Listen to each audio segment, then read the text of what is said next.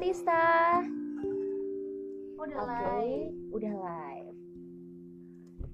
Halo Sobat Ista, selamat sore menjelang malam. Oh belum ya, masih jam 4 sore. By the way hari ini eh, aku seneng banget karena bakalan ngobrol bareng sama Rifka Anissa dengan bintang tamunya Kak Sri Sulandari dari Yayasan Yayasan Sami nih karena kita bakal ngobrolin soal perlindungan terhadap anak dari kekerasan di masa pandemi.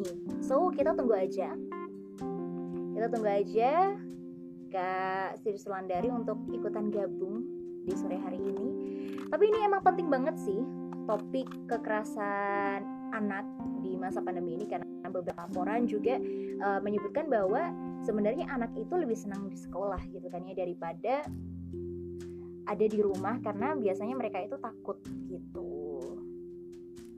Dan mereka uh, dan biasanya kalau anak itu kan lebih terbuka sama orang lain ya daripada sama orang tuanya sendiri gitu. Apalagi di masa pandemi ini sobat Ista di masa pandemi ini uh, kita juga diserang sama yang namanya panic panic attack gitu kan ya di, di situasi juga yang seperti saat ini banyak sekali hal yang bikin stres gitu seperti halnya ekonomi terus habis itu kehilangan pekerjaan terjadi PHK yang itu juga berdampak pada pelemahan kualitas perlindungan anak begitu oke okay.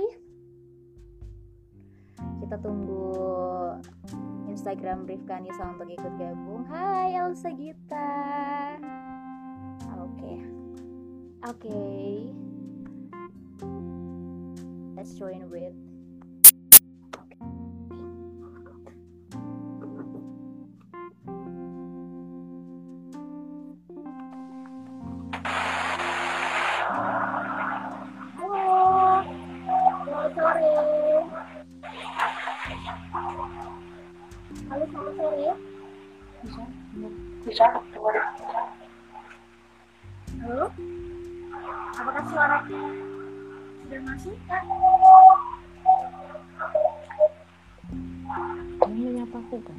Yang menyapa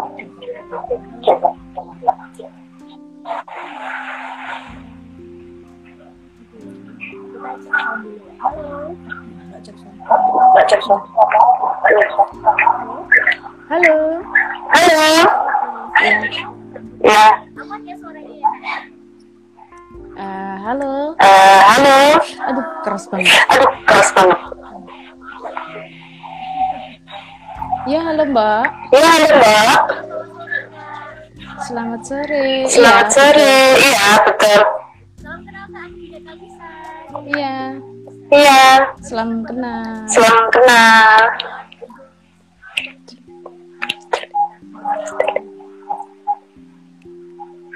Eh, halo. Eh, halo.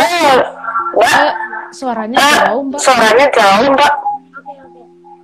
Jadi kita hari ini bakal ngobrolin terhadap anak masa pandemi.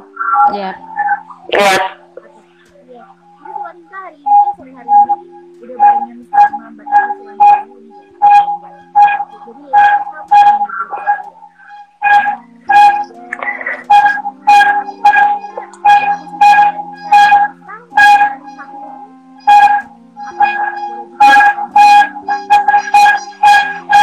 Eh, sebentar, Mbak. Ini Eh, sebentar, Mbak. Ini suaranya kok berisik suaranya kok berisik sekali ya. Halo. Halo. Iya. Iya.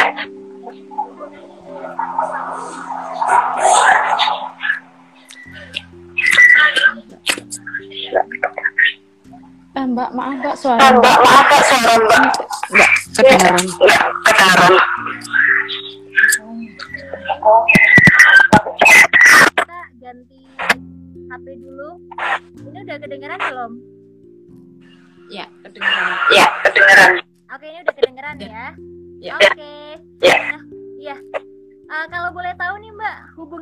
Hubungannya Rizka Anissa dengan Yayasan Samin ini boleh diceritakan sedikit gitu? Ya. Ya. Nih. Nih. Amin itu sama Amin itu sama ada yang SM itu. SM Nah, itu. eh, Eh, dengan sa- dengan baik, kemudian berinteraksi kemudian berinteraksi dalam kerja kerja dalam kerja untuk dan kekejaman acara sosialisasi. Acara sosialisasi. Dan juga dan juga dalam beberapa jaringan. dalam beberapa jaringan. Ada di dalam suatu penanganan kasus dan juga ada di dalam satu jaringan begitu ya Mbak ya? Iya. Oke, nah kan karena hari ini kita bakal ngobrolin soal perlindungan terhadap anak dari kekerasan di masa pandemi. Sebenarnya nih Mbak, kita masuk ke dalam term anak nih. Usia berapa sih dikatakan bahwa atau itu masih eh, mereka masih dikatakan sebagai anak begitu? ya. Eh, ya kalau pandangan kalau pandangan pandangan awam masyarakat pandangan awam masyarakat itu sering membatasi itu sering membatasi usia 17 tahun. usia 17 tahun tapi kalau menurut tapi kalau menurut ada yang disebut ada yang disebut mereka ah, mereka kurang dari 8 kurang dari 8 termasuk anak-anak. Termasuk anak-anak. Oke, jadi memang anak di bawah 18 eh di kurang di dari atas 18 enam kurang dari Ya. 18 hari lah Ya. 18 hari lah 18 bisa diceritakan Mbak Sri Sulandari gimana sih situasi atau kondisi anak-anak sebelum dan semasa pandemi gitu dan letak perbedaannya apa? Apakah ada kasus selama masa pandemi ini? Gitu? ya ya sebenarnya dalam situasi sebenarnya dalam situ eh, bukan Eh, anak-anak bukan yang mengalami yang banyak perubahan banyak perubahan seluruh masyarakat seluruh masyarakat. Masyarakat semua masyarakat semua eh, mengalami eh, situasi mengalami situ eh, sangat eh, berbeda. sangat Eh, bahkan mungkin eh, bahkan dialami dialami pandemi si pandemi seperti COVID. COVID ya. Ya. Banyak perubahan-perubahan banyak perubahan-perubahan. Baik yang itu cukup baik yang itu cukup kita gercep menghadapi eh, kita ketemu nah apalagi kalau nah apalagi kalau yang dalam situasi yang dalam situasi mereka adalah mereka itu yang sangat itu yang rentan. sangat rentan. Apalagi dalam situasi apalagi dalam situasi yang adalah besar yang adalah besar nah nah contoh yang contoh yang misalnya, eh, eh, keseharian. keseharian. Bagaimana kemudian bagaimana kemudian mematuhi protokol mematuhi protokol dengan dengan pola hidup yang pola hidup yang dan sehat apa dan apa itu tidak pernah itu dilakukan tidak pernah dilakukan ini menjadikan ini menjadikan kebiasaan baru yang kadang kebiasaan baru yang kadang tidak terbiasa. tidak terbiasa. Nah juga ketika nah juga ketika ya ya.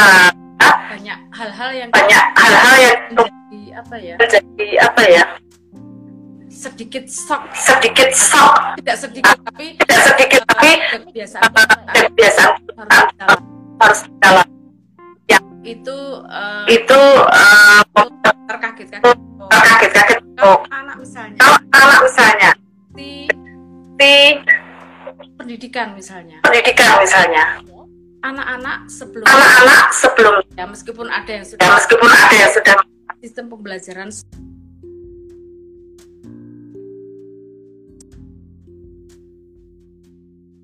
ini sesuatu yang baru bagi anak-anak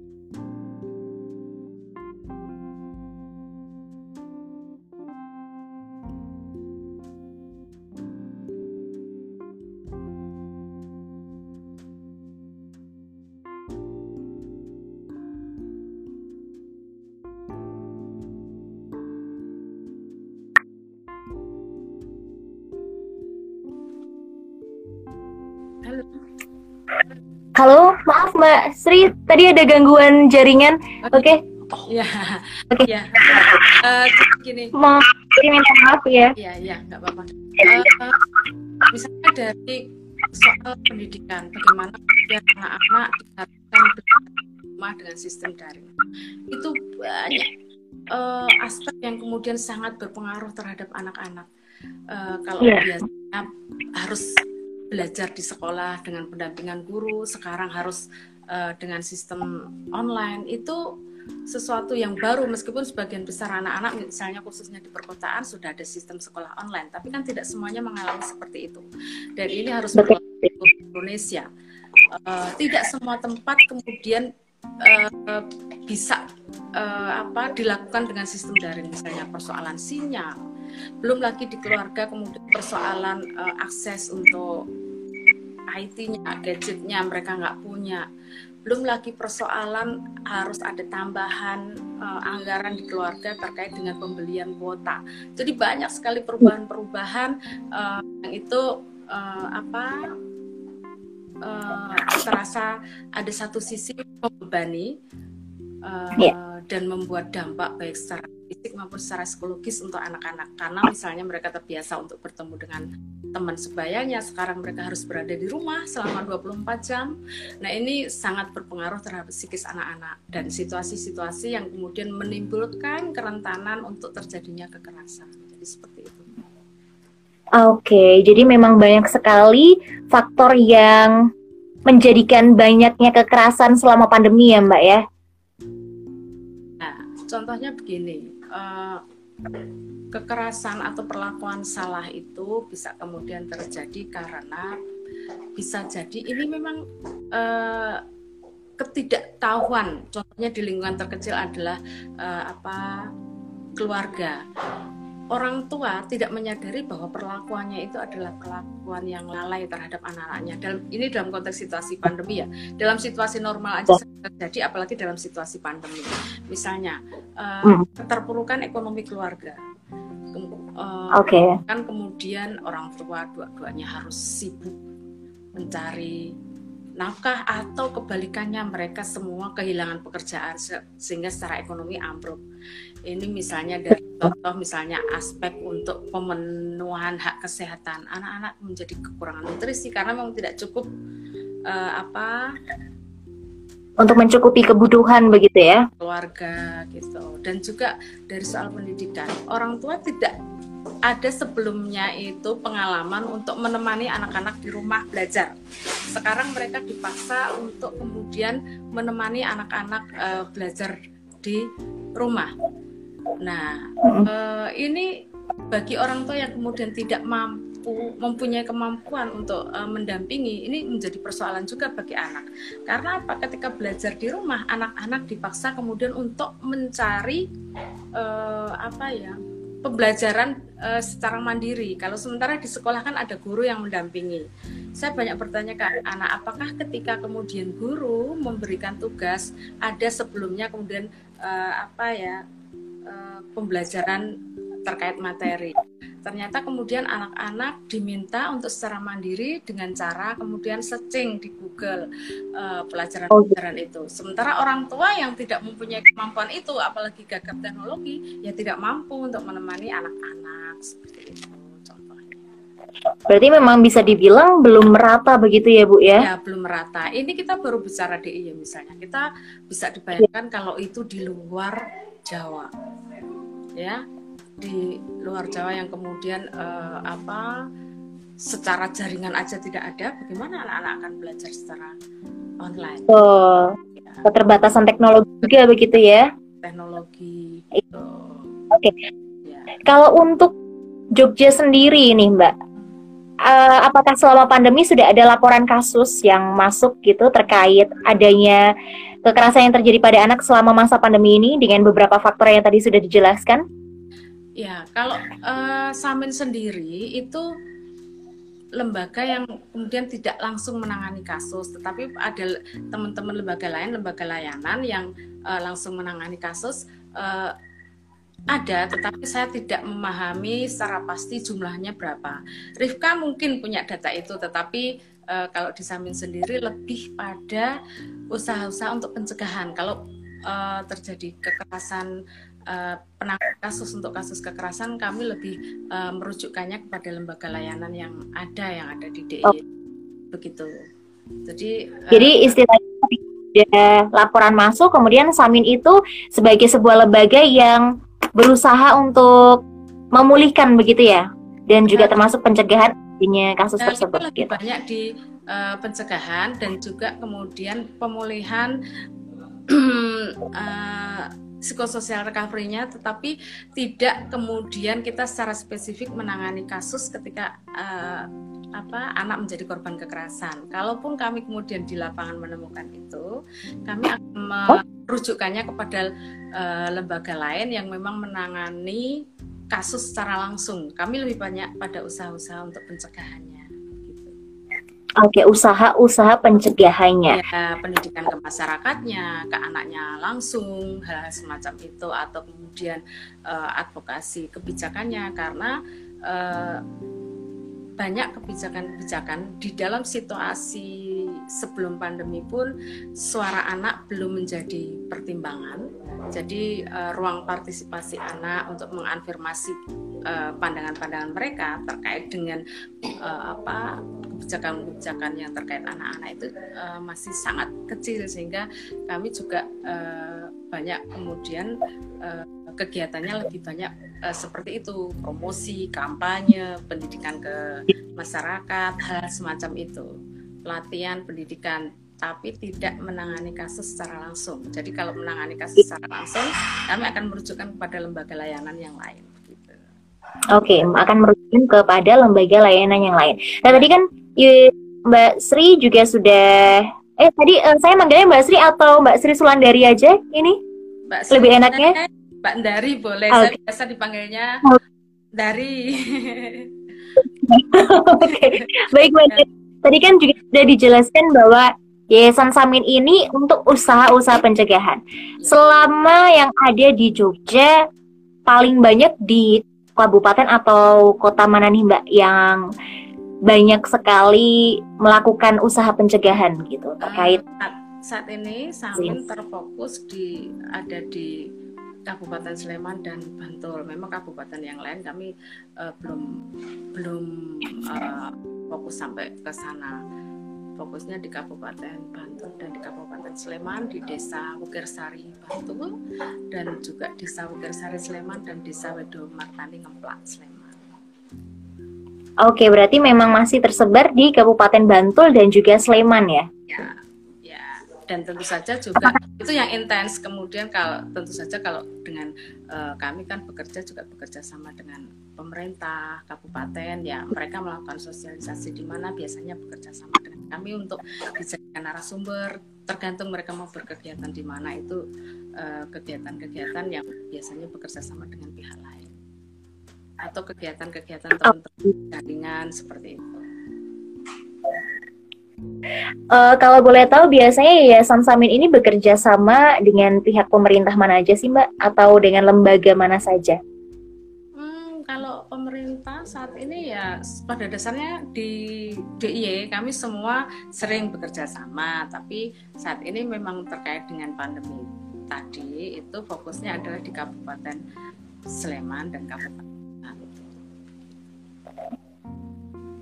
Oke, okay.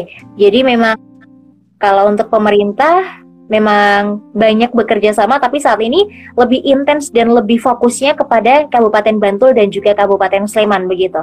Ya, ya. Alasannya apa, Mbak Dari, kalau boleh tahu, kenapa intens kabupaten tersebut? Ya, alasannya pertama memang kemudian kami menghitung kapasitas kami sendiri ya, tidak bisa hangabehi semuanya bisa, dan juga uh, ada keterbatasan sumber daya segala macam dan juga karena memang uh, sebelum pandemi kami memang sudah intens di lokasi tersebut. Oke, okay, baik. Nah, oke okay, kita kembali lagi untuk ngobrolin soal usaha-usaha dan pencegahan gitu ya, Mbak ya. Nah, kalau kita boleh tahu sebenarnya apa saja sih jenis kekerasan yang terjadi pada anak selama masa pandemi, Mbak? Uh, yang jelas uh, anak-anak itu secara psikis ya mbak ya. Psikis itu jelas itu situasi uh, seperti yang saya sebutkan di awal tadi. Kemudian uh, menimbulkan kerentanan anak-anak untuk uh, apa secara psikis itu ya tertekan. Kemudian uh, kondisi orang tua yang kemudian misalnya karena latar belakang ekonomi orang tua sendiri juga stres itu sangat mudah memicu orang tua kemudian melakukan kekerasan terhadap anak. Dan juga kemudian karena ekonomi juga ada anak yang paksa harus bekerja membantu orang tua sehingga uh, apa kerentanan anak-anak untuk menjadi pekerja anak. Belum lagi juga persoalan-persoalan lain misalnya anak di perdagangkan. Tapi kami memang belum punya basis apa data itu kasusnya kami belum menemukan tetapi kerentanan-kerentanan seperti itu bisa uh, terjadi. Dan juga uh, misalnya contohnya begini anak-anak yang kemudian harus belajar di rumah secara online itu bagi sebagian besar orang yang tidak paham dipikirnya anak-anak itu selalu pegang handphone pegang gadget itu adalah main-main. Padahal anak-anak sedang belajar sehingga mereka mendapat perlakuan orang tua marahi segala macam. Karena orang tuanya memang gaptek ya tidak tahu bahwa anak-anak sedang mengerjakan tugas harus melalui online. Dan uh, itu membuat anak-anak memang kemudian uh, cukup lama bersama dengan gadgetnya. Karena apa? Ketika kami cek ke anak-anak, ketika menerima tugas pelajaran sekolah itu antara pelajaran yang satu dengan pelajaran yang lain itu uh, sering kali guru itu tidak kemudian melakukan koordinasi sehingga antara tugas pelajaran yang satu dengan yang lain itu sangat uh, berdekatan dan apa namanya um, waktu untuk menyelesaikan itu sangat pendek sehingga deadline-nya itu anak-anak um, merasa ngos-ngosan kami harus dikejar deadline pelajaran ya. ini belum selesai sudah ada tugas dari pelajaran ini mau nggak mau ya. harus bersama dengan uh, handphone mereka gadget mereka laptop mereka ya. orang tua yang tidak paham memarahi anak-anak kamu kok mainan uh, eh, HP terus sih gitu. Sementara anak-anak itu sebenarnya sedang belajar sedang mencari informasi begitu. Betul betul. Nah, kalau tadi kan disebutkan ini anak-anak ini jadi rentan merasa resah, merasa panik juga ya Bu ya karena uh, pembelajaran yang dulunya face to face akhirnya dialihkan menjadi dari semua gitu, menjadi online. Nah, gimana sih Bu kemudian caranya untuk mengedukasi orang tua? Kan tadi juga ya Yayasan Samin ini juga melakukan sosialisasi, kampanye dan juga usaha-usaha pencegahan. Dan bagaimana Yayasan Samin ini mengedukasi orang tua agar uh, orang tua menjadi paham dengan situasi saat ini? Begitu. Ya. Ya uh, jadi kalau kami caranya memang ada yang kemudian langsung berhubungan dengan masyarakat melakukan sosialisasi tetapi kami juga banyak kemudian melakukannya adalah dengan melalui jejaring perlindungan anak yang ada di tingkat desa. Dan kalau kita umumnya menyebutnya adalah PATBM perlindungan anak terpadu berbasis masyarakat. Karena hampir seluruh desa kemudian di DIY ini sudah terbentuk yang namanya PATBM. Nah, kita memaksimalkan itu. Mereka yang kemudian akan melakukan kerja-kerja langsung di masyarakat dengan melalui uh, media pertemuan yang sudah ada melalui PKK-nya, melalui Karang Tarunanya atau apa. Cuma itu sekarang lagi-lagi karena situasi pandemi yang mengharuskan orang tidak bisa bertemu itu juga menjadi sulit. Oke, okay, jadi memang Iya, mungkin di tingkat perangkat desa kami bisa melakukan dengan cara uh, online meeting, tetapi di masyarakat tidak semua orang bisa. Sementara kalau misalnya kader-kader desanya harus bertemu langsung kemudian ke masyarakat juga uh, itu masih riskan situasinya untuk mengumpulkan orang untuk melakukan. Jadi yeah. kami sendiri juga masih ini sebenarnya kami sendiri juga di tingkat organisasi seperti ini juga masih gagap-gagap sebenarnya. Sebenarnya cara efektif yang harus dilakukan itu seperti apa? Kalaupun kami harus melakukan dengan cara online, tidak semua masyarakat desa kemudian ramah dengan itu. Sementara yeah. kalau kami mau datang langsung, kami juga belum boleh bertemu. Jadi uh, masalah lah kita itu. Malah Iya, malah tambah. Iya, kalaupun harus bertemu yeah, yeah. protokol kesehatan yang ketat itu paling terbatas dengan misalnya kami bisa bertemu dengan aparat desa paling ketemu dua tiga orang tapi ketika kami menyampaikan itu dan mereka harus balik menyampaikan ke masyarakat mereka sendiri bingung dengan cara apa mbak kami harus menyampaikan ya yeah, oke okay, betul sementara kalau uh, dilakukannya kemudian dengan uh, atau bentuknya selebaran atau apa ya poster hmm. atau apa mungkin ada sedikit pengaruh tapi memang uh, tidak seefektif ketika harus bertemu langsung dengan masyarakat menyampaikan sosialisasi langsung ya uh, kami sendiri cari-cari sih bentuknya yang efektif itu seperti apa Gitu. Ya. termasuk juga apakah uh, Yayasan Samin juga uh, istilahnya gencar untuk kampanye di media sosial begitu. Mm-mm. Ya, kalau ini sasarannya kemudian adalah kaum muda, anak-anak itu bisa Mbak sangat efektif. Tapi kalau kemudian menyentuh orang tua yang eh, apa kemudian waktunya sendiri habis untuk eh, kerja itu kadang masih memang agak apa susah untuk sampai kepada eh, sasaran ya ke mereka. Tapi kalau eh, ke anak itu mungkin efektif seperti itu karena ternyata kemarin juga muncul nih di anak-anak eh, untuk mengatasi kebosanan itu mereka banyak mengakses media sosial. Nah ini kan peluang. Nah ini media sosial banyak diakses anak-anak. Kenapa kita tidak menggunakan media sosial untuk bertemu mereka, untuk sosialisasi ke mereka dan semacam itu? Tapi kalau Iya betul. Untuk yang misalnya petani, buruh gitu kan nggak ada waktu mbak mereka untuk Untuk melihat sosial begitu ya. Iya. Iya. Dan apalagi memang karena pandemi ini jadi semua terhalang ya untuk melakukan sosialisasi, Iya. untuk eh, mencegah hal-hal yang tidak diinginkan, harus ya apa namanya sudah takut dengan pandemi begitu. kayak contohnya misalnya terjadi kasus ya mbak kasus kekerasan di masyarakat mungkin kalau ke- kekerasannya itu masih sebatas ringan kemudian yang dibutuhkan adalah konseling atau semacam itu.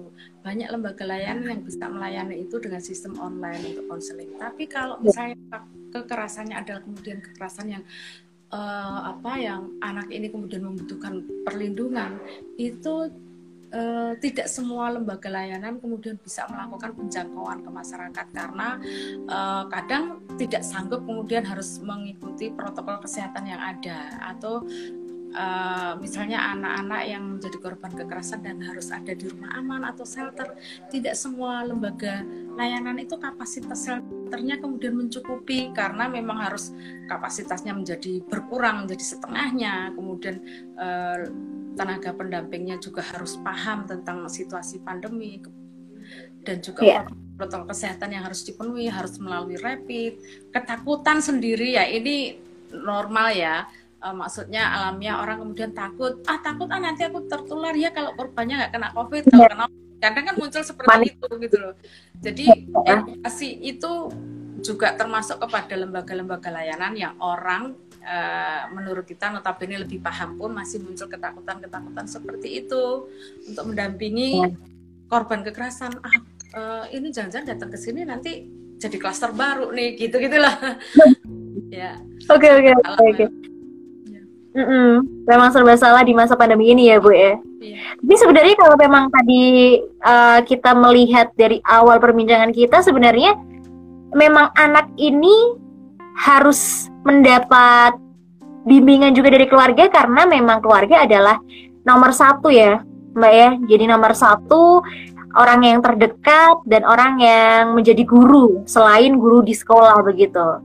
Dan memang dampaknya sangat besar sekali ketika pandemi ini uh, orang tua apalagi keluarga belum bisa atau lalai untuk mendukung mereka ya di dalam pembelajaran begitu. Apalagi kata sempat ada kabar Nadiem Makarim menteri uh, kita semua bilang kalau pendidikan akan uh, menjadi permanen gitu.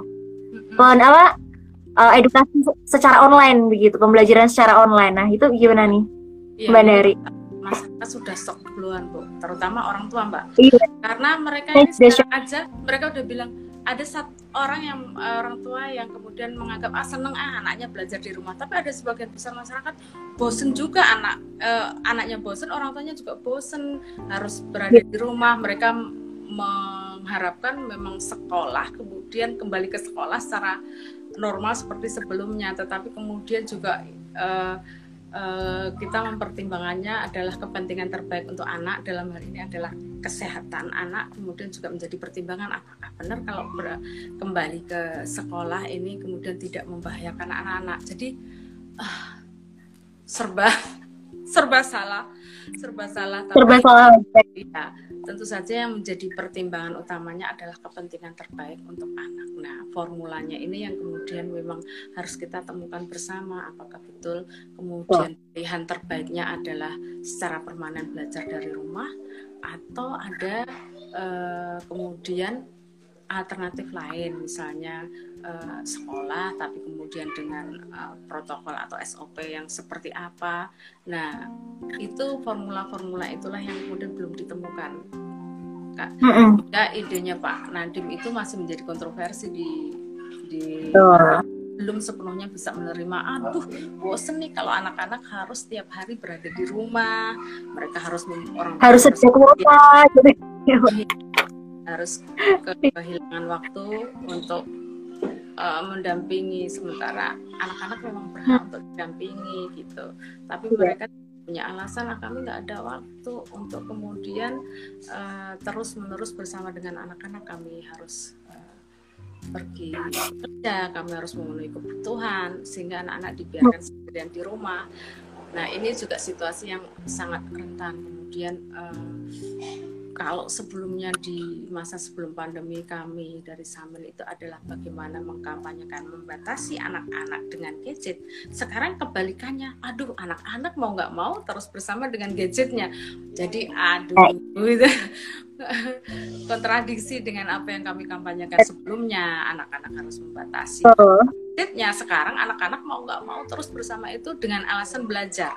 Nah sementara orang tua tidak uh, sepenuhnya punya waktu untuk mengecek apakah betul mereka bersama dengan gadgetnya itu belajar atau mereka bermain jangan-jangan mengatasi kebosanan mereka bermain game atau apa. Jadi ya itulah problematikanya yang di lapangan seperti itu pak Oke, jadi memang kontradiksi sekali ya Bu ya dari yang dulu sampai sekarang gitu. Dulu anak-anak nggak boleh main gadget dan sekarang malah main gadget gitu.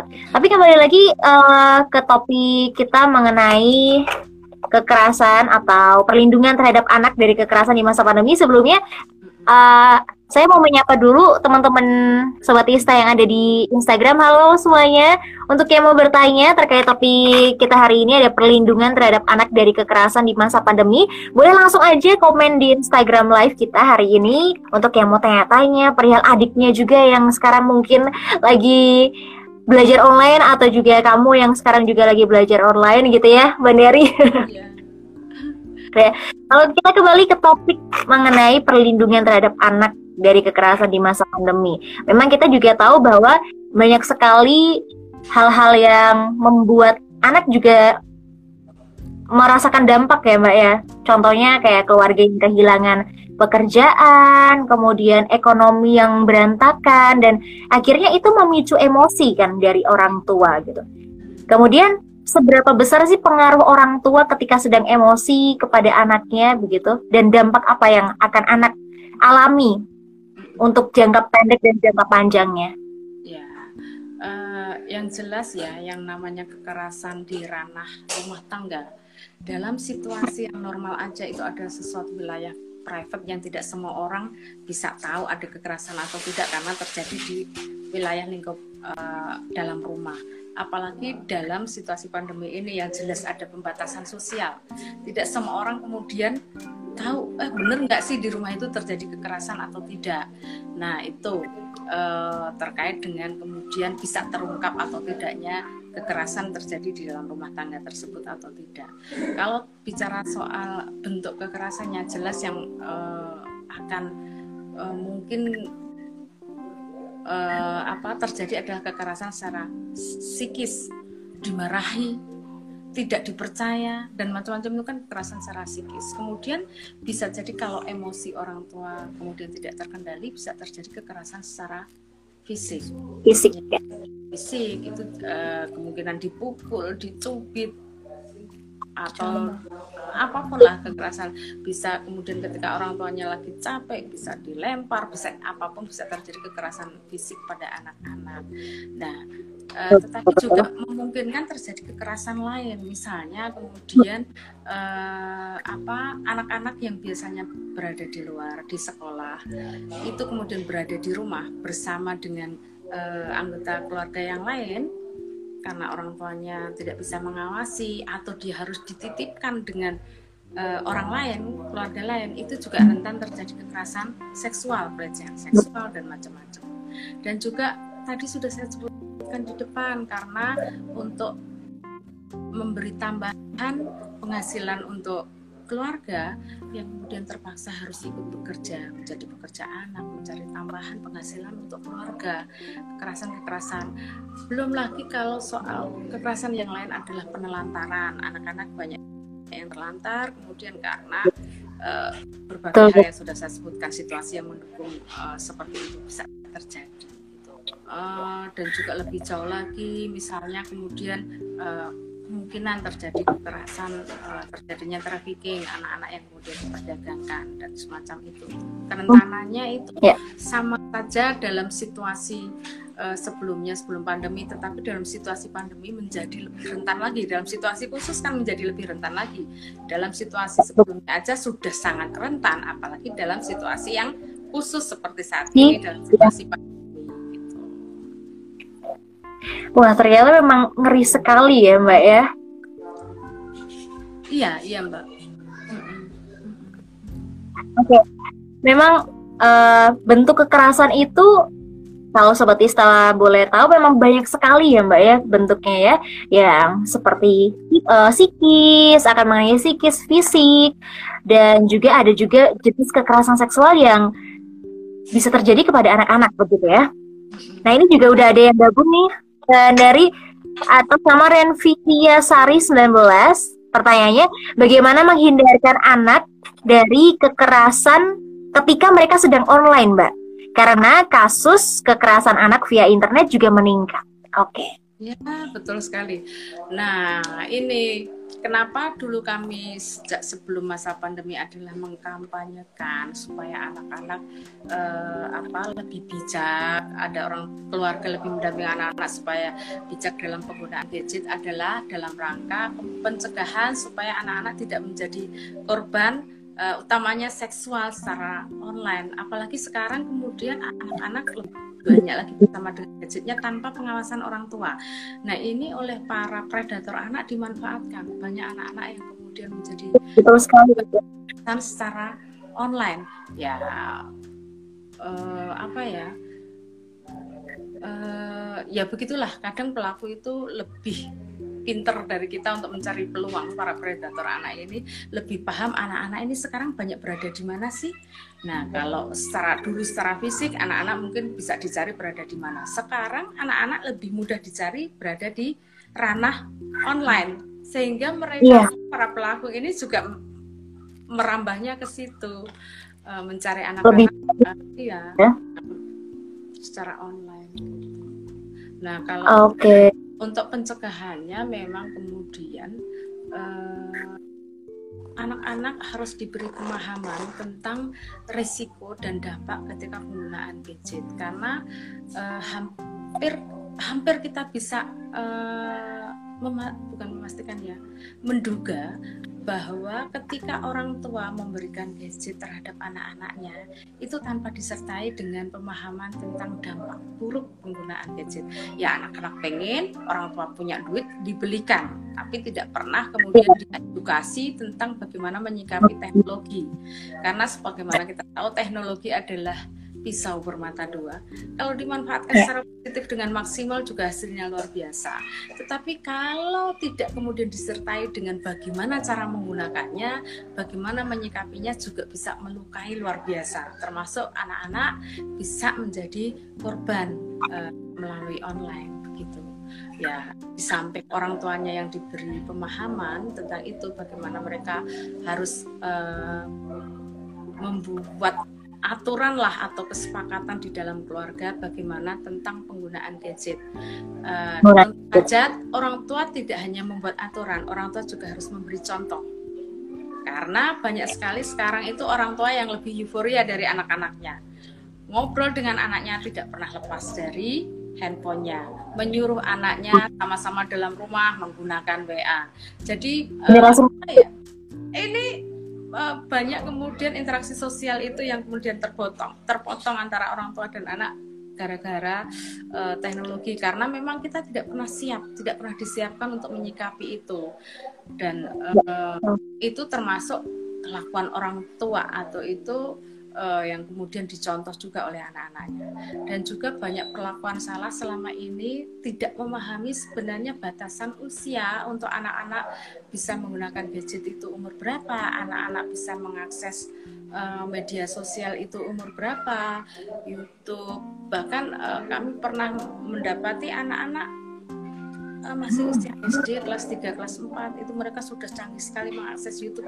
Dan anehnya orang tuanya itu bangga, wah anakku pintar sekali ya sudah bisa buka-buka ini. Mereka tidak pernah paham bahwa mereka secara kapasitas usia, kemampuan untuk memutuskan itu uh, mereka belum cukup mampu untuk mengakses media sosial, tapi orang tuanya malah anehnya itu merasa bangga dan juga di usia PAUD saya melihat di usia TK karena orang tua banyak orang tua uh, yang orang tua muda lah gitu pengen cari enaknya. Ketika anak nangis itu dikasih game. Dikasih gadget kasih game anaknya diem. Akhirnya anak-anaknya menjadi kecanduan. Justru betul sekali. diemnya, diemnya itu bukan karena ditenangkan oleh ibunya tapi diemnya adalah disodori HP nah ini kan luar biasa. Jadi uh, betul, pendidikan betul. karakter tidak pernah terjadi terhadap anak-anak karena pengasuhan ibaratnya pengasuhan dialihkan kepada mesin kecil yang bernama handphone seperti itu. Jadi memang uh, serba salah ya. Anak-anak itu berhak mendapatkan informasi, tetapi juga harus dipahamkan bahwa penggunaan teknologi itu harus disertai dengan uh, kehati-hatian dan juga pendampingan ketika itu masih anak jadi anak-anak okay. uh, eh, bisa terminimalisir lah untuk tidak menjadi korban.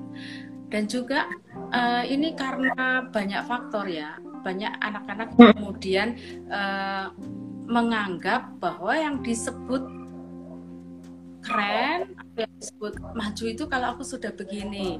Misalnya banyak anak-anak uh, uh, korban uh, kekerasan seksual karena dibujuki oleh pelaku dengan imbalan materi itu sangat sederhana alasannya. Pengen sepatu barulah pengen HP yang barulah pengen temennya pengen sinetron pengen apa. Sehingga ini dimanfaatkan oleh para predator anak. Oh anak-anak ini kalau dibujuki dengan cara seperti ini akan manut gitu loh. Nah iya. itu kadang tidak diperhatikan orang tua. Kok uh, mereka mestinya kan bisa melihat anakku itu setiap hari aku kasih uang saku sekian. Harusnya tidak mampu dia membeli hal-hal benda-benda seperti ini. Tetapi kadang orang tua nggak cukup waktu untuk mengamati anaknya punya barang-barang baru lah atau anaknya kemudian uh, berubah. Ini mereka tidak pernah mengamati bahwa itu kemungkinan bisa terjadi karena pergaulan mereka di medsos gitu. Oke, waduh lengkap sekali penjelasannya Mbak Dari tadi untuk menjawab Kak Renfilia Sari 19 tadi. Jadi sudah ya Kak, jadi jawabannya memang keluarga orang tua adalah pendidikan yang pertama. Jadi memang harus memberi pemahaman terlebih dahulu nih ya. tentang teknologi dan internet ketika memutuskan untuk memberikan ya. gadget kepada anak. Ya. Gitu.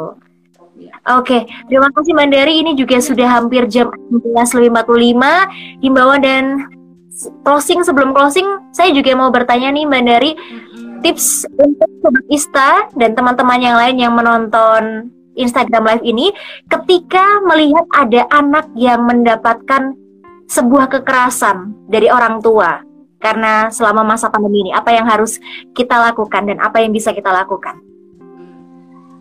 Ya, jadi gini kadang orang itu e, merasa enggan untuk melakukan sesuatu karena menganggap ah itu urusan privat lah itu urusan rumah tangga mereka aku nggak nggak mau ikut ikutan ah aku takut ke bawah-bawah gitu. Nah sebenarnya ini yang e, apa yang sedang kami upayakan kami sosialisasikan bahwa persoal ketika melihat persoalan seperti ini kita jangan diam saja. Kita bisa banyak melakukan eh, hal-hal e, untuk menolong menolong sebenarnya menolong keduanya. Menolong si anak si korban maupun menolong uh, si uh, apa keluarga. Nah, bagaimana kemudian caranya? Kalau kita belum punya cukup uh, mampu kemudian melakukan sesuatu, setidak-tidaknya berbicaralah kepada orang di sekitarmu yang memang punya kemampuan itu. Atau setidaknya di wilayah itu kan ada uh, pejabat publiknya dari RT-nya, RW-nya. Setidaknya kalau tidak kemudian cukup punya keberanian untuk melakukan eh, ini langsung karena kadang kalau kita melakukan langsung tidak tahu ilmunya juga menjadi salah kaprah orang malah jadi berantem antar orang gitu loh uh, Iya. bisa lapor kepada kemudian eh, apa bisa tokoh masyarakat yang ada di situ atau pejabat yang paling rendah aja misalnya Pak RT, Pak RW, Pak Duko, hal-hal semacam itu. Dan juga seperti yang saya informasikan di depan tadi bahwa di DIY itu di tingkatan desa itu sudah ada eh, apa jejaring lah perlindungan anaknya yang saya sebut Pak ATPM tadi. Namanya bisa bermacam-macam kayak di kota ada Sigra, ada eh, macam-macam mereka namanya, tetapi mereka adalah eh, lembaga di tingkat desa atau kelurahan yang memang kemudian mempunyai eh, ketugasan untuk melakukan eh, apa pencegahan dan penanganan anak agar tidak menjadi korban kekerasan. Atau eh, begini kekerasan itu kan ber- bermacam-macam ya. Kalau itu misalnya kekerasannya bentuknya masih sangat ringan misalnya kita eh, melihat ada seorang ibu nyubit anaknya ya jangan langsung tiba-tiba datang ke polisi melaporkan kasus-kasus seperti ini kan masih bisa di, eh, diselesaikan atau dimediasi di tingkat eh, lokal wilayah terbawah. Tapi misalnya kalau kemudian kita melihat atau menemui kasus kekerasan seksual, kasus perkosaan, kasus eh, perdagangan itu memang kemudian kasus-kasus yang tidak bisa kemudian dihentikan tapi tetap harus diproses. Nah itu kita bisa bisa langsung datang lapor ke polisi. Oh itu saya melihat sih eh, apa anak itu menjadi korban itu bisa datang ke polisi di polisian juga sudah ada lembaga namanya PPA ya untuk perlindungan perempuan dan anaknya sehingga eh, dan jangan takut bahwa hak kita sebagai eh, itu akan rahasia kita ada dijamin oleh undang-undang ketika melaporkan itu. Jadi jangan takut ah nanti eh, pelaku jadi tahu aku yang melaporkan atau semacam itu.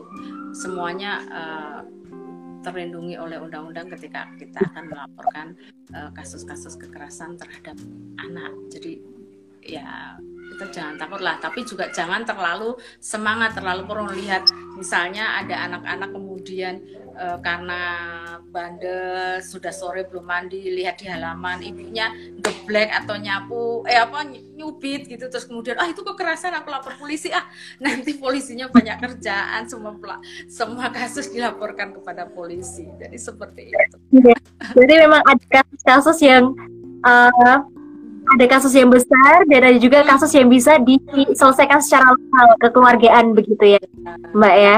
Bisa melalui Oke. kakaknya atau apa biar diedukasi ibunya lah oh itu diberi pemahaman Nah, itu kekerasan Iya. fisik maupun psikis kamu jangan lakukan lagi terhadap anak-anak hal semacam itulah ya yang bisa Oke, siap Mbak Dari yang terakhir nih, penting banget nih untuk Sobat Ista.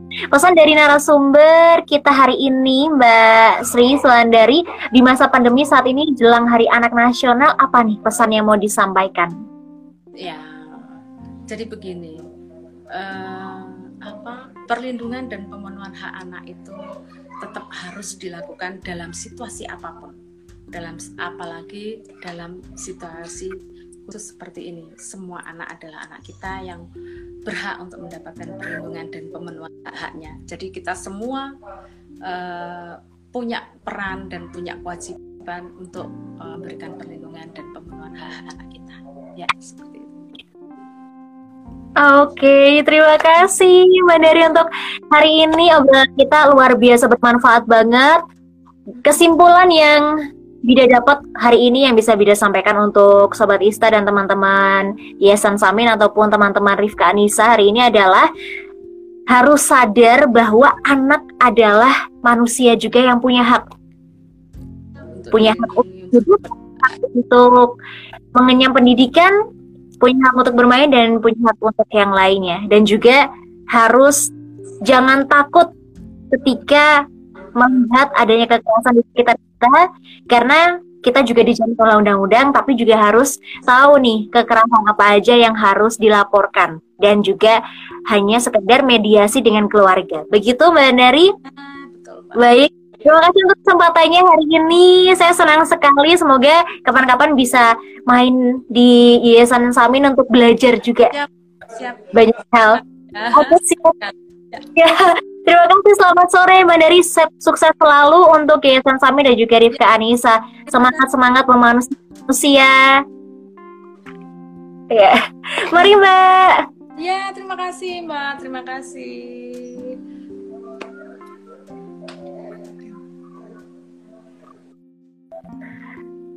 Oke, Sobat Yusta itu tadi obrolan seru bicara hari ini, edisi hari Kamis tanggal 9 Juli 2020, pukul 16 waktu Indonesia Barat sampai dengan 16 lebih 51. Kelebihan 6 menit nggak apa-apa karena ini obrolannya menarik banget. So, I just wanna say thank you so much buat Sobat Yusta yang udah dengerin Bida Kalis hari ini, bareng Mbak Sri Sulandari dari Yayasan Samin, dengan Instagram live-nya dari Rifka Anissa Women Crisis Center. So, selamat sore dan semoga hari ini baik-baik saja. Have a nice day. See you and bye-bye. Sampai jumpa di bicara selanjutnya.